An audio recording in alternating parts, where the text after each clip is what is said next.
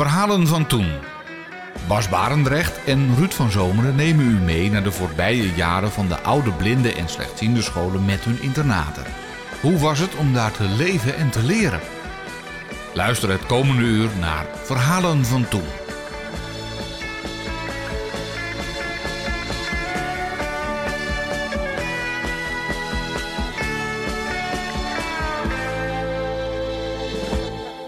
Jolanda van Leeuwen uit Den Haag is een van die slechtziende mensen die, ondanks het feit dat ze een speciale school voor slechtziende onderwijs heeft bezocht, is stuk gelopen in haar latere leven. Stuk gelopen op het feit dat leven en werken met een visuele beperking nu eenmaal veel energie kost. Haar verhaal, dat in 1977 begint, staat centraal in deze aflevering van Verhalen van Toen. Mijn eerste dag begon eigenlijk in uh, 1977, in september. Ik uh, heb twee jaar op een uh, gewone reguliere basisschool gezeten. En ja, dat, in het eerste jaar liep dat heel goed. Ik had een lerares die meewerkte. En die hielp me ook met nou ja, het leren lezen, het leren schrijven. Uh, dat ging eigenlijk allemaal heel gladjes. Daar ging ik ook over naar tweede jaar. En daar kreeg ik een lerares die niet mee wilde werken. Die geen idee had wat iemand was met een visuele beperking.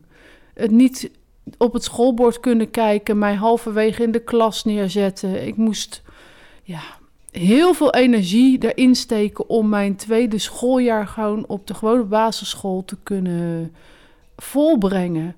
En aan het einde van dat jaar was het ook inderdaad zo dat ik dus niet over zou gaan naar de derde klas.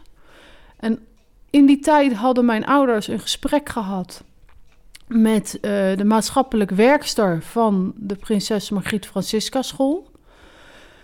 Daar wist ik op dat moment ook nog niks van, totdat ze bij me thuis kwam.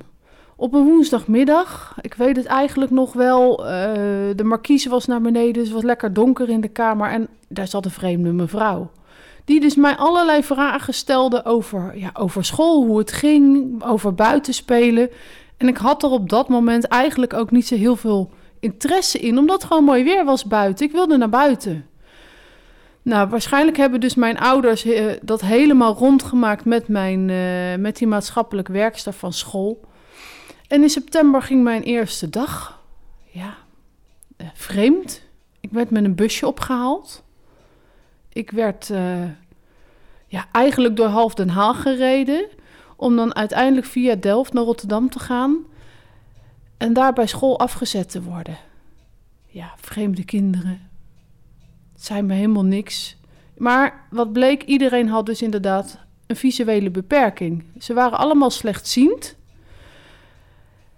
En ik moest even wennen, maar langzamerhand voelde ik me daar wel thuis. Want ik hoefde me niet groot te houden tussen alle andere kinderen in de klas. Ik hoefde niet om een plekje te vechten. Het was een hele fijne opluchting om daar eigenlijk op school te komen. Om daar, uh, ja, thuis te gaan voelen. In die tijd uh, was mijn beperking was ongeveer, uh, ja, ze zeggen dat ik toen 16% zag met beide ogen. Ja, wat is het? En voor een kind vind ik dat, op dat moment vond ik dat heel lastig uitleggen. Nu weet ik beter. Maar toen wist je, ja, ik zie slecht. Ik zie slechter als alle andere kinderen. Ik ben uh, geboren met staar. Waarna ik dus in het eerste half jaar ben ik uh, een paar keer geopereerd. En dat is eigenlijk de basis geweest, ja, doordat dus de oog niet uh, volgroeid is. En daardoor is er 16% van mijn zicht overgebleven. En toen ik dus een jaar of twaalf was, is mijn netvlies losgelaten. En die heeft dus ja, mijn rechteroog helaas uitgeschakeld. Want in die tijd was er nog gewoon niet zo heel veel ja, wel heel veel operaties, maar niet zo heel veel techniek om dat gewoon weer goed vast te zetten. Dat is nu wel weer gelukkig uh, verbeterd. Maar ja, mij niet bewust zijnde van, deed ik gewoon ook mijn ding. Ik ging fietsen met mijn zus, die dus wel gewoon zag. Ik speelde buiten met haar. Ja, oké, sommige dingen had ik het idee dat zij dat beter zag als ik, maar daar was niet verder op ingegaan. Ik had wel een enorme bril op. Van die champotglazen waar eigenlijk soms je wel mee geplaagd werd. Maar ja, daar ben je helemaal niet bewust, bewust mee bezig als je een kind bent. Als je zes, zeven jaar bent. Mijn ouders hebben mij ook niet anders opgevoed dan mijn zus. We gingen ja, gewoon ook op vakantie naar de camping. Ik deed gewoon mee. Je deed mee met spelletjes. Ja, soms was je iets kwijt, kon je het niet vinden. En dan lieten ze mij ook gewoon even zoeken. Ja, als je het niet vinden kan na tien minuten, dan komen we wel helpen zoeken. En dat vond ik ook gewoon heel normaal, want mijn zus was ook wel eens wat kwijt. En dan gingen we samen zoeken. Ik heb in die tijd heb ik uh, helemaal geen idee gehad dat ze eigenlijk bezig waren met mij naar een ja, mij voor te bereiden, mij uh, over te laten gaan naar een slechtziende school. Dat de maatschappelijk werkster bij ons op woensdagmiddag uh, op de bank zat, was ja, een soort verrassing van, huh? Uh, wat doet die mevrouw daar en wat wil ze allemaal van mij? Ja, je geeft dan antwoord. Wat ben je, zeven jaar? Ja, maakt allemaal niet zo heel veel uit. Ik was er niet mee bezig. En ja, zo was ook bij ons op dat moment de, de, de gang van zaken thuis. Je bent daar niet dagelijks mee bezig dat je slecht ziet. En ja, na dat gesprek eigenlijk met die maatschappelijk werkster ben ik op school ben ik wel een dag op bezoek geweest. En dat was het. En na de vakantie bleek ik dus naar die school te gaan. Helemaal geen probleem, want ja, ik vond het toch niet leuk meer op de basisschool omdat die juffrouw niet meewerkte. De school die, die, die was anders, maar ook weer niet helemaal anders. De kinderen zagen daar wel slechter. Eh, ja, slechtziende kinderen. De boeken waren ook wel gewone boeken. Ze hadden daar geen aangepast lesmateriaal. De, dus we hadden extra tijd en extra ondersteuning, maar we werkten met gewoon materiaal. Dus als we moesten lezen, was dat ook gewoon met, ja, voor mij met mijn neus in het boek. En dat verbaasde me eigenlijk achteraf. Dat je dus wel op een aangepaste school zat, maar dat het materiaal eigenlijk niet aangepast was. Braille leerden we daar niet, maar wel gewoon dus, ja, uh, gewoon schrift. We moesten gewoon schrijven. En dat was achteraf gezien, denk ik van ja, je zit inderdaad in een enorm verkeerde houding. Je zat over je boeken gebogen. En ja, daardoor was het denk ik ook wel extra vermoeiend en daardoor hadden we wel extra tijd. Over de basisschool mocht je, uh, normaal doe je daar zes jaar over in die tijd. Nu is het allemaal ook wel weer anders. Maar in die tijd mocht je zes jaar over de basisschool doen en wij deden daar acht jaar over. We hadden vier groepen en in elke groep bleef je twee jaar. En ja, dat was ook heel rustgevend. Het was van je weest gewoon van hé, hey, volgend jaar zit ik nog een jaar bij die juffrouw. Volgend jaar ga ik gewoon eigenlijk door met waar ik mee bezig was. Gewoon met rekenen, hoewel ik dat niet zo leuk vond. En ja, taal en, en schrijven, ja, we leerden het ook gewoon. De klassen in die tijd waren kleiner. We waren met z'n uh, zessen per groep. En de totale klas bestond uit twaalf kinderen. Dus het ene moment had ze aandacht voor de ene zes kinderen. En het andere moment was de aandacht voor de andere zes. En kon je dus gewoon je, je, je werk maken, je taallessen schrijven, je, je rekenwerk maken. En de klassen waren ja, veel kleiner en daardoor ook wel veel meer aandacht voor je. Als je dus bij een ja, een rekenles wat op het bord gebeurde, gewoon voor het bord ging staan, was geen probleem. Je mocht gewoon van je plekje lopen en voor jou de beste plek zoeken om dingen te zien, dingen mee te krijgen.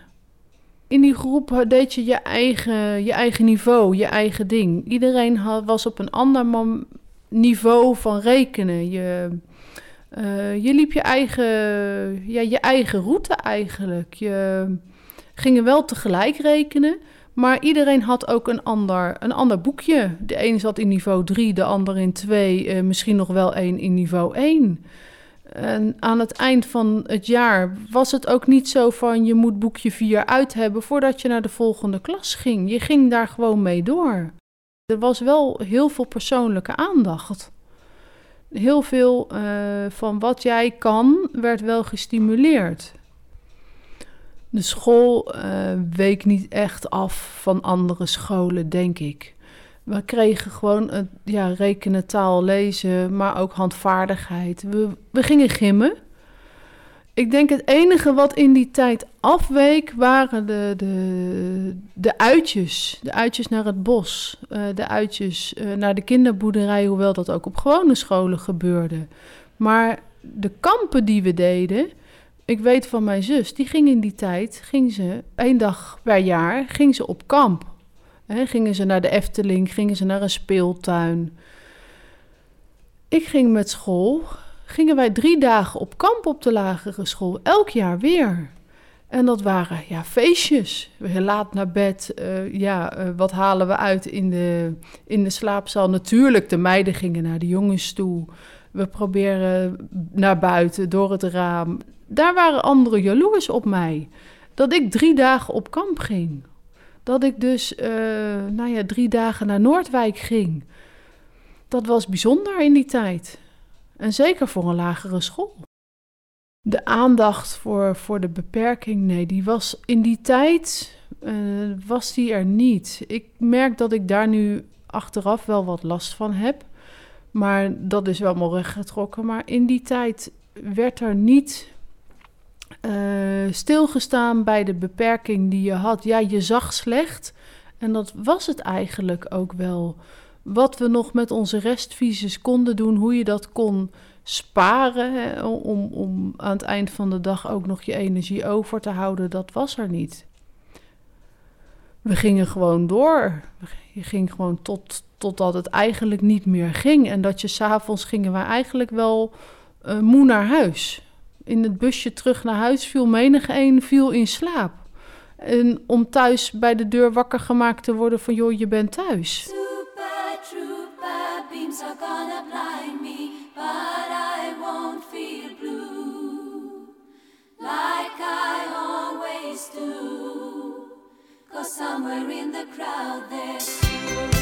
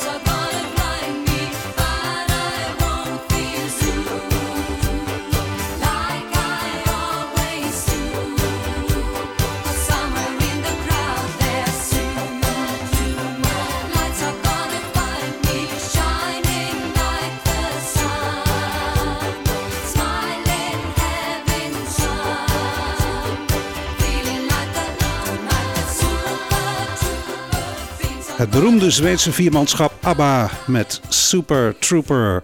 Radio 509 is dit met de verhalen van toen. En we luisteren naar het verhaal van Jolanda van Leeuwen. Ik kwam om uh, ja, ongeveer kwart voor vijf uh, kwam je thuis. En uh, mijn ouders hadden daar op zich ja, wel van... jeetje, je bent hartstikke moe. Het was een intensieve dag. En die hielden me dan inderdaad ook wel van... joh, ga lekker op de bank zitten. Ga lekker op, hè, voor de tv hangen. En, en, of ga lekker buiten spelen, maar ontspan je vooral. En s'avonds was het op zich wel weer vroeg naar bed. En die tijd had je dus dan ook wel nodig. A, om bij te komen van die hele dag op school. Maar B, omdat je de volgende ochtend om half zeven uur op moest. Omdat het kwart over zeven dat busje weer voor de deur stond om weer naar school te gaan. En het hele spel eigenlijk weer opnieuw te beginnen. Mijn ouders, ja, die hadden daar in die tijd ook helemaal geen idee van hoe dat normaal hè, zou kunnen, hoe dat anders zou kunnen. Dat, daar was geen, eigenlijk geen goede aandacht voor. Dat heb ik ook in die tijd wel gemist, dat er aandacht was voor, ja, wat is nou een visuele beperking? Wat doe je daarmee? Wat kan je daarmee? Het was gewoon gaan en vooral alles doen, alles wat je niet, hè, wat, je, wat iedere andere jongen of meisje van jouw leeftijd ook zou doen. Ik vond het wel fijn om eigenlijk elke avond weer, uh, weer naar huis te gaan. Ik uh, heb daardoor toch nog wel wat vriendjes en vriendinnetjes in de buurt ontmoet, al was dat geen sterke band. Ik speelde eigenlijk met de, de vriendjes en vriendinnetjes van mijn zus. Maar daar had je dan ook wel de tijd voor. En ik vond het fijn om, ja, hè, om s'avonds weer gewoon in je eigen bed te liggen. Of ik het nou jammer vond dat ik in die tijd niet op een internaat vond. Ik, zat, ik vond het allemaal wel interessant. Eh, ja, je las wel eens wat, je hoorde wel eens wat. En er waren ook kinderen die bij ons vandaan, omdat ze het niet meer goed konden zien of dat ze niet meer goed konden lezen, dat ze dus naar een internaat moesten of naar een blindenschool om dus ja, andere vaardigheden te gaan leren, om braille te gaan leren. En die gingen inderdaad dan naar een internaat. En dan hoorde je later hoorde je wel verhalen. En dan dacht je van, oh, dat lijkt me ook wel leuk. Maar dan was het meer, denk ik, van, ja, hoe zou dat zijn? Omdat dat toch wel uh, voor mij een, een, iets vaags bleef. Van, ja, de hele week van huis. Ja, wel leuk. Zou ik dat wel kunnen? Nee, misschien ook niet. Ik heb daar eigenlijk wel toch wel profijt van gehad dat ik dus uh, ja, gewoon een dagschool had. Dat ik s'avonds weer naar huis ging, dat ik s'avonds bij mijn ouders was. Je zit alleen een beetje overal tussenin. Dat was wel het gevoel wat ik had. Ik had geen, eigen, geen echt eigen vrienden. Ja, op school had je, je je klasgenoten, die ook wel vrienden waren. Maar thuis had je niet echt je eigen, eigen vriend zoals je dat op een normale lagere school had. En wat je misschien op een internaat ja, wel vriend, vriendschappen ontwikkelt. Ik uh, weet wel dat ja, we werden wel hechtere vrienden, omdat je dus wel de hele dag op school met elkaar bezig was. En op een gegeven moment ben ik ook met iemand mee naar huis gegaan. Dan ging je op woensdagmiddag ging je bij elkaar spelen. Maar dat was ja, niet zomaar iets. Je ging met de taxi van die ander ging je met hem of haar ging je mee naar huis. En daar ging je spelen, daar bleef je eten. Ja, daar ging je slapen, hoewel slapen. Ja, dat was toch af en toe al tot één uur praten, keten. Want ja, daar waren natuurlijk ook wel eens zusjes of broertjes. En dan de volgende ochtend na het ontbijt ging je weer met die taxi, ging je weer mee naar school. En ja, had je dus een woensdagmiddag bij elkaar gespeeld. En dat vond ik op zich wel bijzonder dat dat kon. En daar heb ik ook wel verschillen geleerd tussen beperkingen van mensen.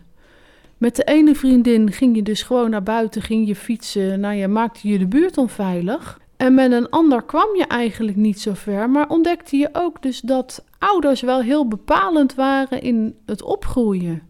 Want ik kwam een keer s'morgens, werd ik dus wakker. En lag dus al mijn kleding lag, ja, op volgorde. Hoe ik het aan moest trekken. Eerst je ondergoed, nou ja, dan je shirtje, je truitje, je lange broek, je sokken, je schoenen. En dat ik echt schijnbaar heel vreemd naar die stapel heb staan kijken van, wat is dit? Want dat deed mijn ouders niet. Mijn moeder liet me s morgens gewoon echt wel bij de kast zelf uitzoeken wat ik aan wilde. Ze gaf wel aanwijzingen van dat mag je niet aan, want dat zijn je nette kleren, dat mag niet naar school. Maar verder zocht je het zelf uit. En ja, dat is wel het verschil dat ik dus tussen ouders heb gezien. En waarschijnlijk dus ook van ja, het, het zicht van andere kinderen. In die tijd ook op een gegeven moment dat busje werd je zat om daarmee naar school te gaan. En ik ben zelf dus op een gegeven moment met de trein naar school gegaan. En dat was een hele onderneming. En dat was de eerste weken vonden mijn ouders dat doodeng. Maar ik vond het wel leuk. Je was A, uit dat busje van waar je elke dag mee opgehaald en thuisgebracht werd. En met al die andere kinderen ging je dus met een aantal, ging je met de trein, ging je naar school. Dat was eigenlijk net zo lang. Want ik moest ook heel vroeg weg en ik was laat thuis. Maar je deed het zelf. Je maakte weer dingen mee onderweg. En ja, uh, als je soms vroeg was, dan kon je het net halen om dan een trein eerder op Rotterdam Centraal te nemen. Om dus, uh, nou ja, over te stappen. Als een gek onderdoor te rennen. En dan ja, een kwartier eerder thuis te zijn. Maar als je in die andere trein zat, had je wel zoiets als zo. Dat heb ik wel gedaan. Misschien met gevaar voor eigen leven, maar ja, dat zagen we toen niet. Daardoor merk ik nu dat ik uh, dit soort dingen, ook het openbaar vervoer, dat dat voor mij geen vreemde, vreemde eend in de bijt is. Dat ik dus gewoon door, ja, door heel Nederland zou kunnen reizen. En dat ik daar ook niet bang voor ben om dat te doen. Ik, ja, om ergens naartoe te gaan, bijvoorbeeld met de trein naar Duitsland in mijn eentje. Ik doe het wel gewoon. Ik heb een Hollandse mond. Je kan vragen en tegenwoordig heb ik de stok bij me en is het ook wel duidelijk waarom ik iets vraag. Je moest toen ik 16 was, moest je niet aankomen van uh, het zou veiliger voor je zijn om met die stok te gaan lopen. Maar door de tijd heen, als je dan ineens in de struiken landt of ergens over struikelt in het donker, weet je gewoon dat het veiliger is om met die stok te gaan lopen. Ik heb de tijd wel gehad dat ik uh, wilde bewijzen dat je wat ziet, dat je wat bent, dat je wat kan. Ik was dus, nou ja, 16, 17, kwam van school, heb een opleiding gevolgd, ben gaan werken. En daar kom je dus op een gegeven moment achter van het is te veel. Ja, en dan, nou ja, met hulp van wat instellingen kom je erachter van het is wel goed geweest. Ik hou me lekker gewoon wie ik ben. Ik mag zijn wie ik ben. Ik hoef niet meer te bewijzen dat ik alles kan. Dat mag een ander doen.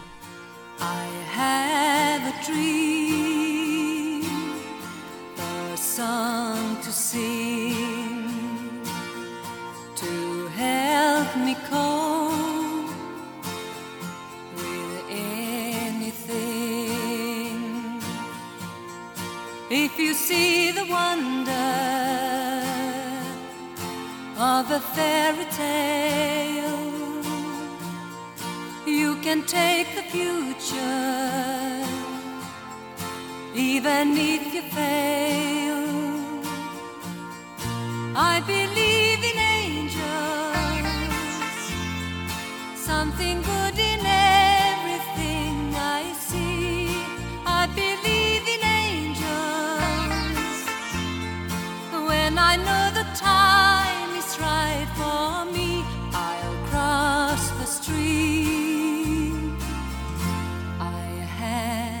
Dream.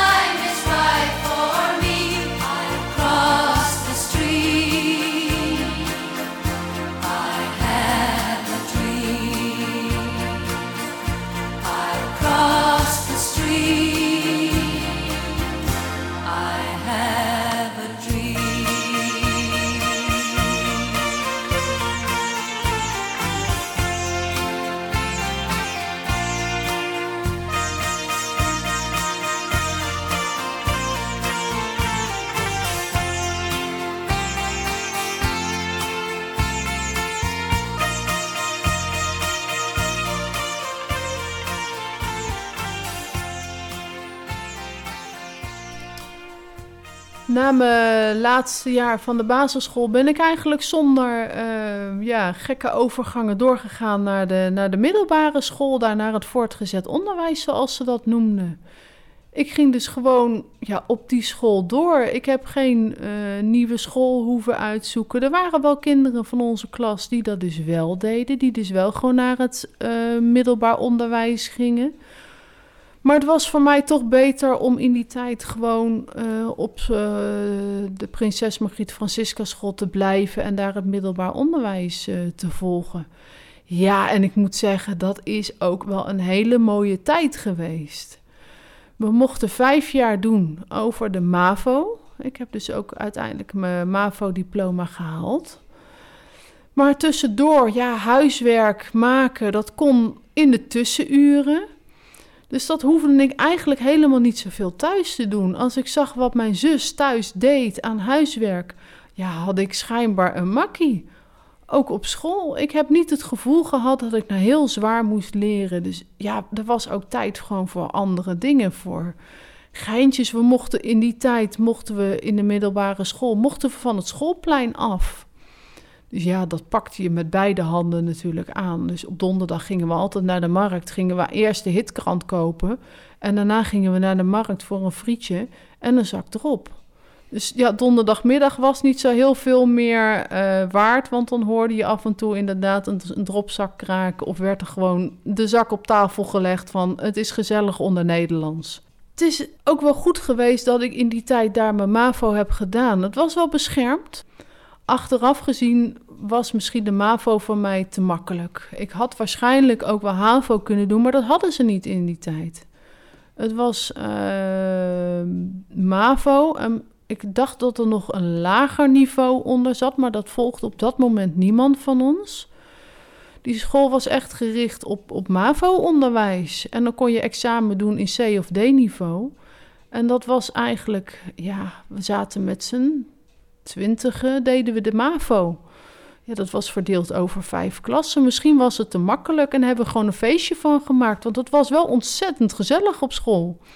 Als we in een tussenuur zaten, ja, dan was het gewoon uh, thee halen bij mevrouw Brière, kletsen bij Joop, uh, de conciërge, buiten in het zonnetje zitten. Ja, het was eigenlijk gewoon een feestje, die MAVO.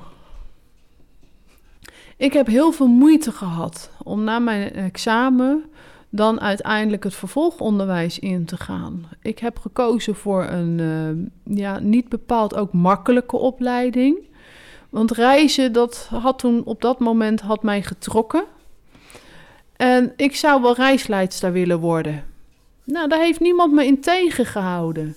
Dus ik heb een opleiding gedaan, uh, reisbegeleider en reisbureau medewerker. En daar ben ik ontzettend onderuit gegaan, om het maar zo te zeggen. Leren, ja, daar werd heel veel van je verwacht, heel veel in je eigen tijd. Dus dat heeft me heel veel moeite gekost om op dat moment, ja, jezelf het leren aan te leren. Ik heb uren achter mijn bureau doorgebracht om mijn huiswerk te maken. Dat was wel iets die stap was te groot. Die kon ik eigenlijk op dat moment niet aan. Daar heb ik wel een, een half jaar voor nodig gehad om daaraan te wennen. Om ja, ineens in het reguliere onderwijs terecht te komen en te ervaren hoe dat daaraan toe gaat. Het leven op, een, uh, op het gewone onderwijs was heel anders. Dat was niks beschermd. Dat was uh, ja, voor jezelf opkomen, voor jezelf vechten. Ik heb uh, met hulp van uh, de ambulant begeleider van de Prinses Margriet Francisca School...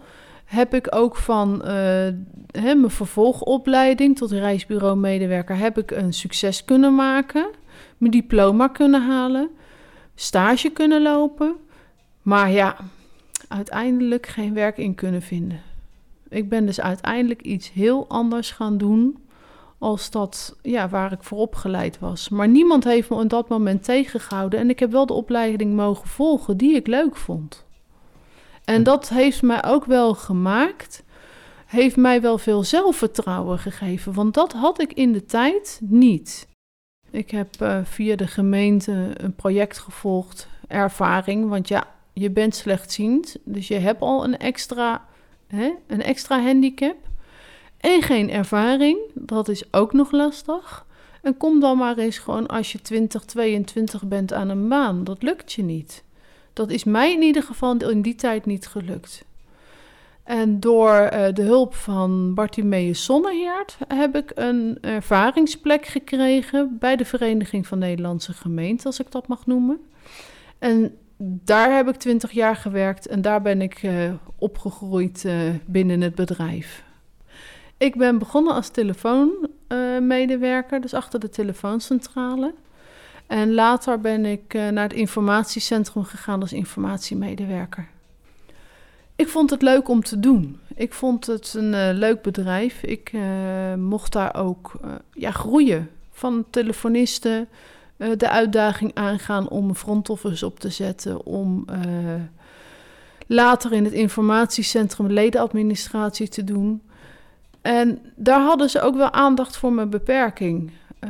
aanvragen van hulpmiddelen, het was daar geen probleem. En Alleen het probleem was eigenlijk wel dat ik zelf erachter moest zien te komen wat voor mij de handigste hulpmiddelen waren. En ja, dat krijg je niet mee vanuit school van ja, wat voor jou handig is. En in die tijd gingen ook de ontwikkelingen heel snel. Van niks waren daar de vergrotingsprogramma's, waren daar de spraakprogramma's. Er waren beeldschermloepen ineens. Want ik weet nog dat die op school kwamen de eerste beeldschermloepen. Dat was een enorme tv met een enorme camera daarboven. Onverplaatsbaar. Ja, en in mijn werk kreeg ik al een verplaatsbare beeldschermloep. Dus die tijd is wel heel hard gegaan. I don't wanna talk about things we've gone through, though it's hurting me. Now it's history. I played all my cards, and that's what you've done too. Nothing more to say, no more race to play. The winner takes it all, the loser standing small beside the victory.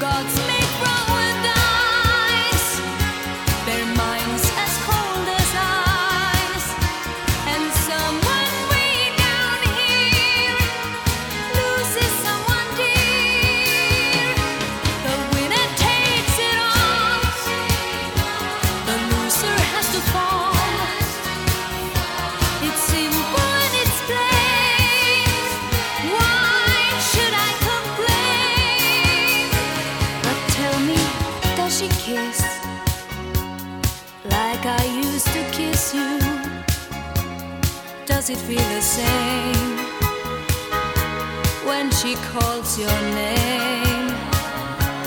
Somewhere deep inside, you must know I miss you. But what can I say? Rules must be obeyed.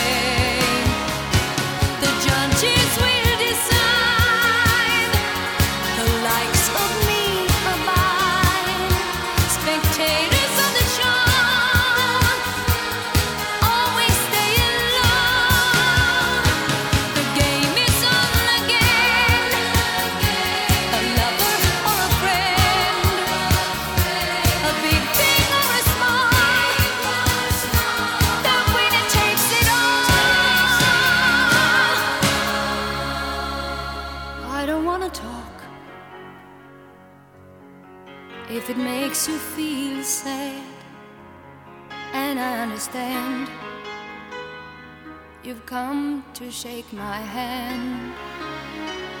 I apologize if it makes you feel bad seeing me so tense. No self confidence, but you see, the winner takes it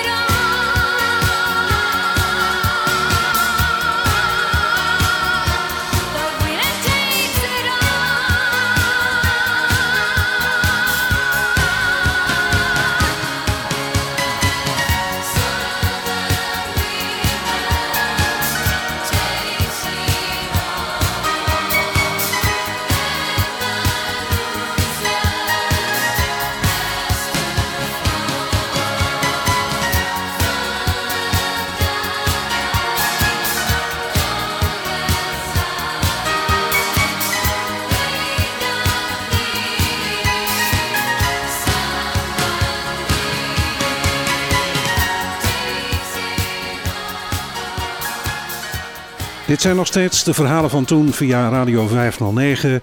En je luistert naar het verhaal van Jolanda van Leeuwen uit Den Haag. Ik merkte op een gegeven moment dat eh, het me heel veel energie ging kosten om vol te houden, om me te bewijzen, om eh, te doen alsof er eigenlijk geen beperking was op dat moment. En ik, ik ging richting burn-out. En op dat moment ging er bij mij ook wel een belletje rinkelen van... hey, dit gaat niet goed. Dit ga je niet volhouden als je nog tot je 67ste zou moeten werken.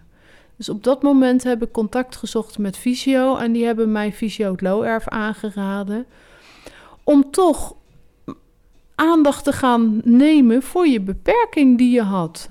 Want op school is daar geen aandacht voor geweest... maar er moet wel degelijk aandacht voor zijn... Want je hebt nou eenmaal die beperking die je met je meedraagt, die, die er gewoon is, waar je niet omheen kan. Ik had zelf van, ik, ja, mijn instelling was ook wel van, ik ga gewoon door. Ook zoals dat vroeger is geleerd op school, hè, geen, ja, er was wel aandacht voor de beperking, want hij was daar wel. Maar er was geen aandacht voor de verwerking van die beperking. Voor ehm, het samenwerken met je beperking. En ja, tot eigenlijk het moment dat ik merkte gewoon dat ik gewoon elke donderdag hartstikke moe het weekend inging, had ik zoiets van ja, nou ja, het zal er wel bij horen. Iedereen is moe na een werkweek.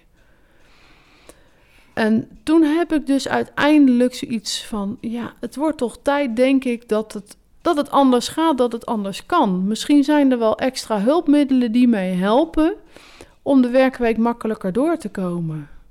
Dus ik had eigenlijk ook het idee van, nou, ik ga even naar het low erf, ik ga even revalideren en daarna werk ik gewoon weer verder. Maar ja, dan komen daar toch de inzichten dat je eigenlijk wel gewoon topsport van jezelf gevraagd hebt. Van het moment eigenlijk dat ik naar die school ging, tot aan het moment dat ik naar het low erf ging, heb ik gewoon topsport geleverd. Heb ik gewoon heel veel van mijzelf gevraagd. En dat ging in die tijd, want je was hè, jong en dynamisch, zeiden wij altijd van, nou, je, hè, je bent jong en je kan wat. Dus we bewijzen het, we doen het, je gaat gewoon door. En pas daar, op het low erf, heb ik geleerd ja, wie je werkelijk mag zijn. Dat de beperking ook een plaats in deze maatschappij mag hebben. Maar dat ik ook gewoon wel eens aandacht voor mezelf mag hebben. Van ja, je bent niet zomaar moe. Je bent niet zomaar eh, hè, aan het eind van de week afgedraaid. Je houdt gewoon te lang vol. Ik had geen idee dat er om mij heen ook meerdere mensen waren die op dat moment in dezelfde situatie zaten. Pas op het low erf kwam ik met meerdere mensen weer in contact. Want al die tijd op mijn werk, na school, ja, je komt niet met mensen met een beperking, met slechtziendheid in aanraking. Je hebt het al die tijd eigenlijk alleen gerooid en ook niet gedacht van, hé, hey, zouden er dan meer mensen zijn? Want daar had ik geen idee van. De contacten van school zijn niet gebleven, maar met één vriendin heb ik uiteindelijk uh, heel goed contact gehouden. Ook een heleboel niet meer. Dat, ja, de namen zeggen je nog wel iets, maar de mensen heb je eigenlijk na school nog een keer met een reunie gezien. En dan is het, oh leuk, en hoe, hoe gaat het met jou en wat doe jij nou? Maar daarna hoor je of zie je ze niet meer. Pas later, als je zelf weer bewust met je beperking bezig zijn, bent en zij waarschijnlijk ook, dan kom je elkaar weer tegen. Dan ga je ineens van, hé, hey, oh, jij hier? Eh, dan kom je ineens een vriendin of een, hè, een oud schoolgenoot tegen op eh, bijvoorbeeld een CISO-beurs. Mijn tijd op het Low-Erf was een revalidatie van 31 weken. Waarvan eh, ik eh, opnieuw heb geleerd ja, met, de, met de PC om te gaan. Nou kon ik altijd heel goed met de PC omgaan, maar gewoon op zicht. En uh, dat er mogelijkheden waren om bijvoorbeeld een PC met een toetsenbord te bedienen, had ik geen idee van. Want programma's ja, lenen zich daar ook niet altijd voor. Maar dat bleek dus uiteindelijk voor een hele hoop programma's wel mogelijk. Dat je dus niet eens meer hoefde te kijken op een, uh, op een beeldscherm.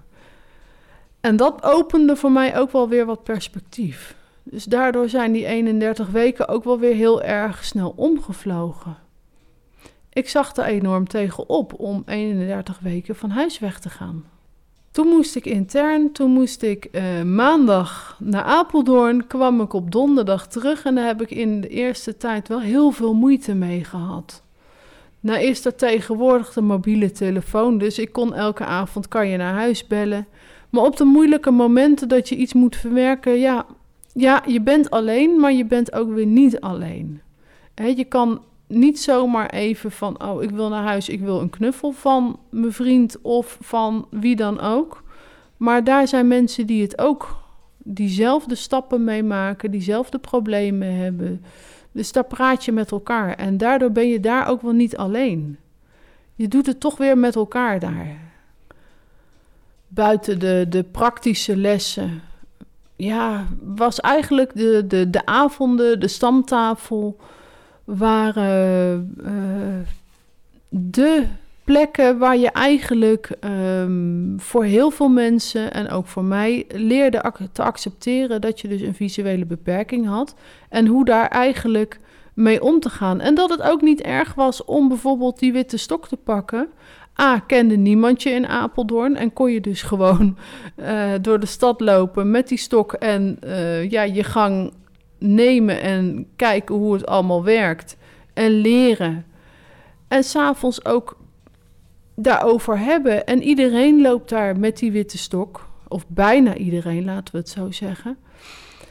En dan is het ook helemaal niet erg. Terwijl je misschien hier thuis in je eigen wijk wordt je gek aangekeken. Is dat daar helemaal niet zo? Ja, misschien hebben ze daar ook wel raar gekeken, maar heb ik het niet gezien de leeftijden die, uh, die verschilden van, van jong tot oud. Van, van volgens mij 21 tot uh, naar ruim 65. Uh, maar dat is juist ook wel leuk, want je krijgt met heel veel mensen heb je contact.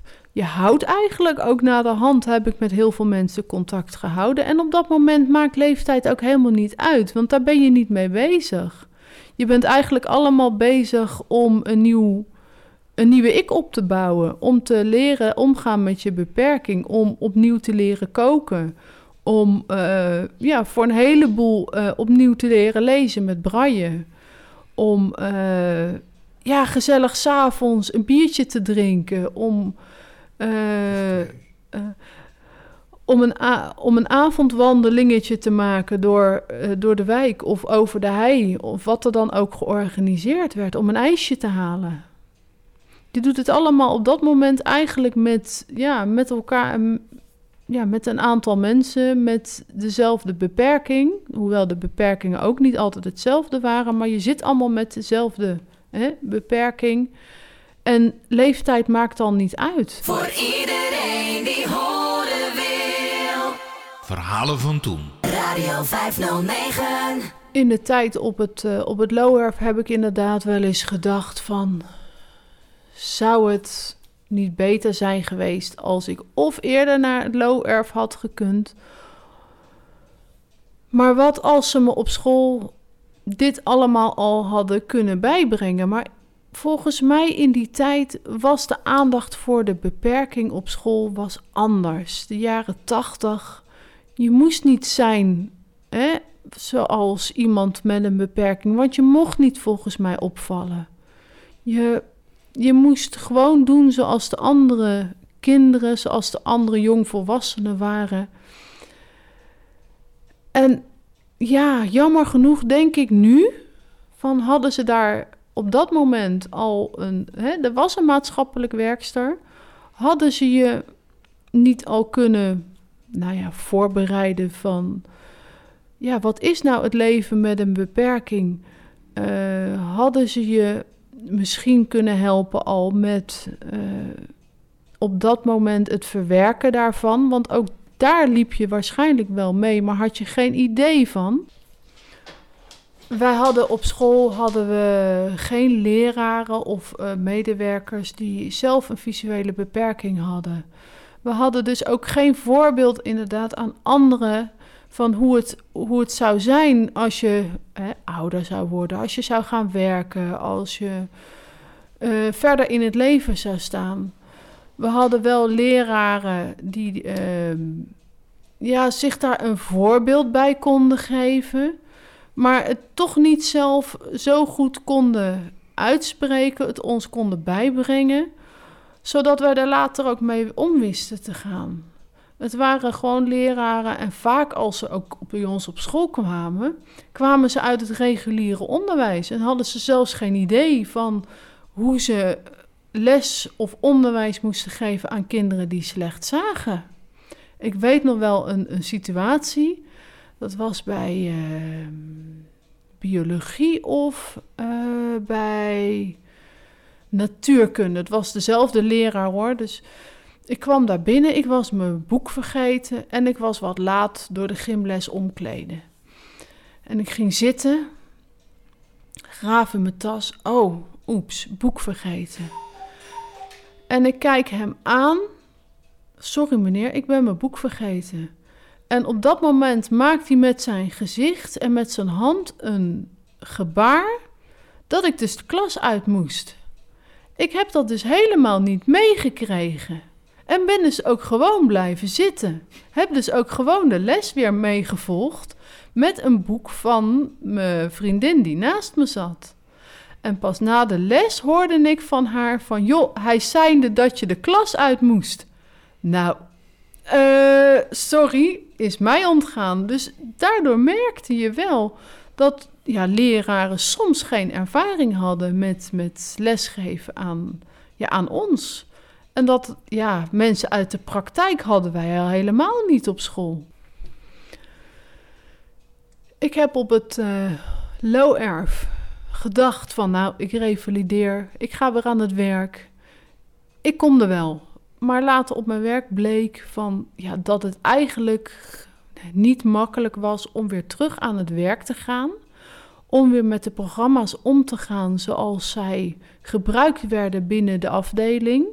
Want er waren gewoon uh, softwarepakketten waar je bij moest klikken, waar je de muis moest gebruiken.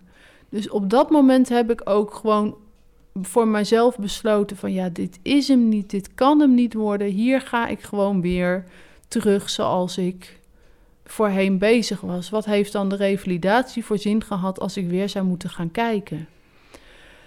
En tijdens de revalidatie heb ik kennis gemaakt met een groep die toen begon aan een opleiding sportmassage en blessurepreventie.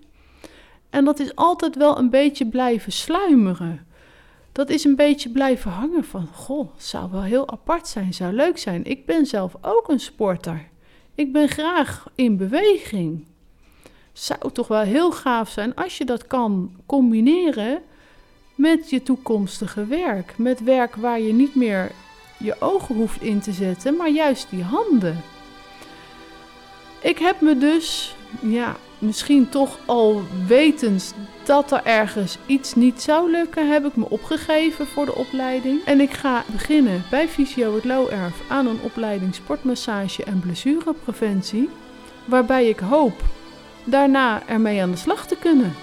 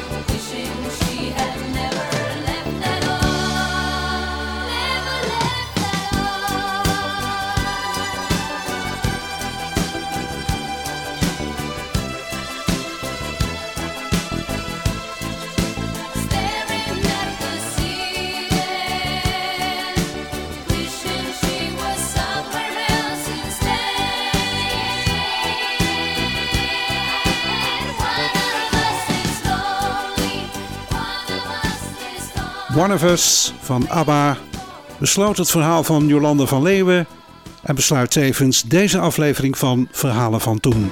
Met dank voor de aandacht, fijne zondag en tot de volgende keer. Dag.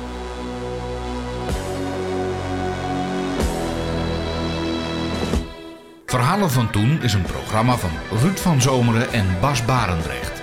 Meer informatie is te vinden op www.radio509.nl